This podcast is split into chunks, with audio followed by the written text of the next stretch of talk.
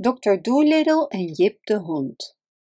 Het volgende is nu, zei Dr. Doolittle, dat we je oom nog moeten vinden. We weten in elk geval dat hij niet in zee is gegooid. Toen kwam Dab weer naar hem toe en fluisterde: Vraag de adelaars om de man te zoeken.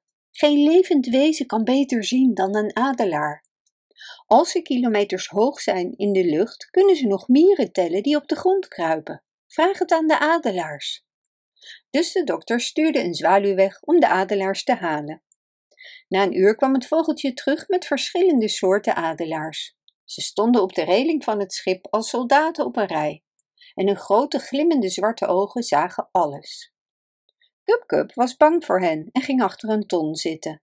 Hij zei dat hij het gevoel had dat die vreselijke ogen recht in hem keken om te zien wat hij voor lunch had gestolen. En de dokter zei tegen de adelaars: Er is een man zoek, een visser met rood haar en een anker op zijn arm. Zouden jullie zo vriendelijk willen zijn om te kijken of jullie hem kunnen vinden? Deze jongen is de neef van die man. Adelaars praten niet veel, en het enige wat ze met hun heese stemmen zeiden was: Je kunt erop rekenen dat wij ons best zullen doen, dokter Doolittle.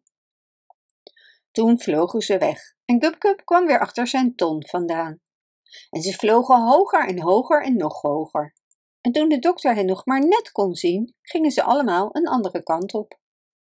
Goede genade, zei Gupkup met gedempte stem. Wat vliegen ze hoog! Ik vraag me af of ze hun veren niet verschroeien zo dicht bij de zon. Toen ze terugkwamen was het bijna nacht. En de adelaars zeiden tegen de dokter: We hebben alle zeeën, eilanden, steden en dorpen in deze helft van de wereld doorzocht, maar het is niet gelukt. We zagen in Gibraltar wel drie rode haren liggen op een kruiwagen, maar het waren niet de haren van de man die we zochten. Er was geen spoor van hem te bekennen. We hebben echt ons best gedaan, dokter Doolittle. Toen klapperden de vogels met hun grote vleugels en vlogen terug naar hun huizen in de bergen en de rotsen. Wat nu? zei Dab We moeten de oom van die jongen vinden. Hij kan niet alleen op de wereld blijven. Kleine jongens moeten verzorgd worden. Ik wilde dat Chichi hier was.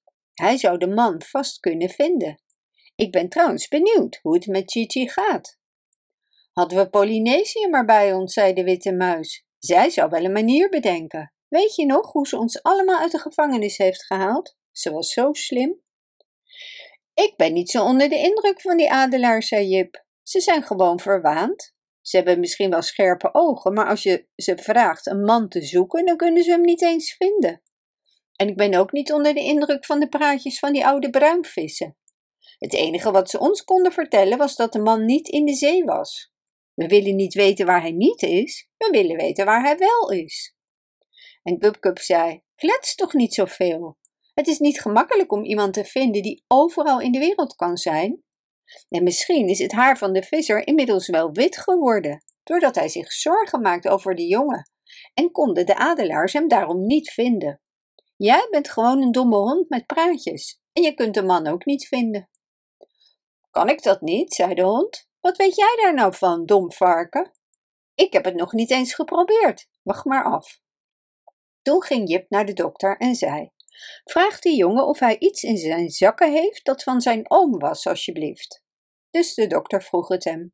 En de jongen liet een gouden ring zien die hij aan een touwtje om zijn nek droeg, omdat het te groot was voor zijn vinger.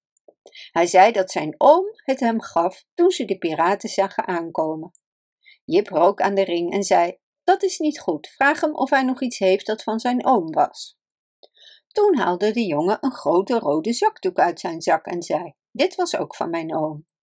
Zodra de jongen hem eruit trok, riep Jip: Snuiftabak, ruik je het niet? Zijn oom nam snuiftabak. Vraag het hem, dokter. De dokter ondervroeg de jongen opnieuw en hij zei: Ja, mijn oom nam veel snuiftabak. Prima, zei Jip. De man is zo goed als gevonden. Dat is geen probleem voor mij. Zeg tegen de jongen dat ik zijn oom voor hem zal vinden in minder dan een week.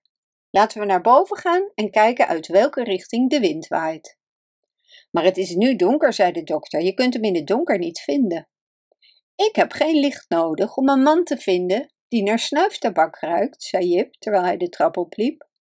Als de man naar heet water zou ruiken, zou het anders zijn.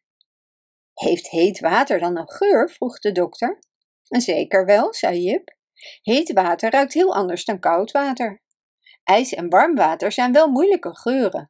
Laten we eens kijken uit welke richting de wind waait. Wind is erg belangrijk bij het ruiken op lange afstand. Deze wind komt uit het noorden. Toen ging Jip naar de voorkant van het schip en rook de wind. En hij begon in zichzelf te mompelen.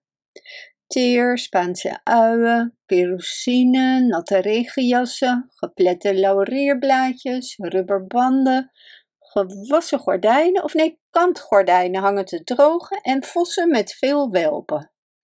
Kun je echt al die verschillende dingen ruiken in deze ene wind? vroeg de dokter. Maar natuurlijk, zei Jip, dat zijn nog maar een paar van de makkelijke geuren. Elke bastaardhond zou die kunnen ruiken, ook al zou hij verkouden zijn. Wacht, daar komen nog een paar geuren voorbij. Toen kneep de hond zijn ogen stijf dicht, stak zijn neus recht in de lucht en snuffelde hard met zijn mond half open. En lange tijd zei hij niets. Hij bleef zo stil als een steen. Hij leek nauwelijks te ademen. En toen hij eindelijk begon te spreken, klonk het bijna alsof hij in een droom sprak. Oude bakstenen afbrokkelend in een tuinmuur, de zoete adem van jonge koeien in een bergstroom, het dak van een graanschuur met de middagzon erop, zwarte fluwelen handschoenen in een lade van walnotenhout, een stoffige weg met een drinkpak voor paarden en paddenstoelen onder rottende bladeren. Ruik je ook pastinaken? vroeg Gupgup. Nee, zei Jip, jij denkt altijd alleen maar aan eten. Ik ruik geen pastinaken en ook geen snuiftabak. We moeten wachten tot de wind draait. Ja, ja, een slechte wind, zei Gupgup. Volgens mij weet jij er niks van, Jip. Wie heeft ooit gehoord dat je een man in de oceaan kunt vinden alleen door te ruiken? En nu werd Jip echt boos. Als jij zo brutaal blijft, dan bijt ik je in je neus. Stop met ruzie maken, zei de dokter. Het leven is te kort voor ruzie. Vertel eens, Jip, waar denk je dat die geuren vandaan komen?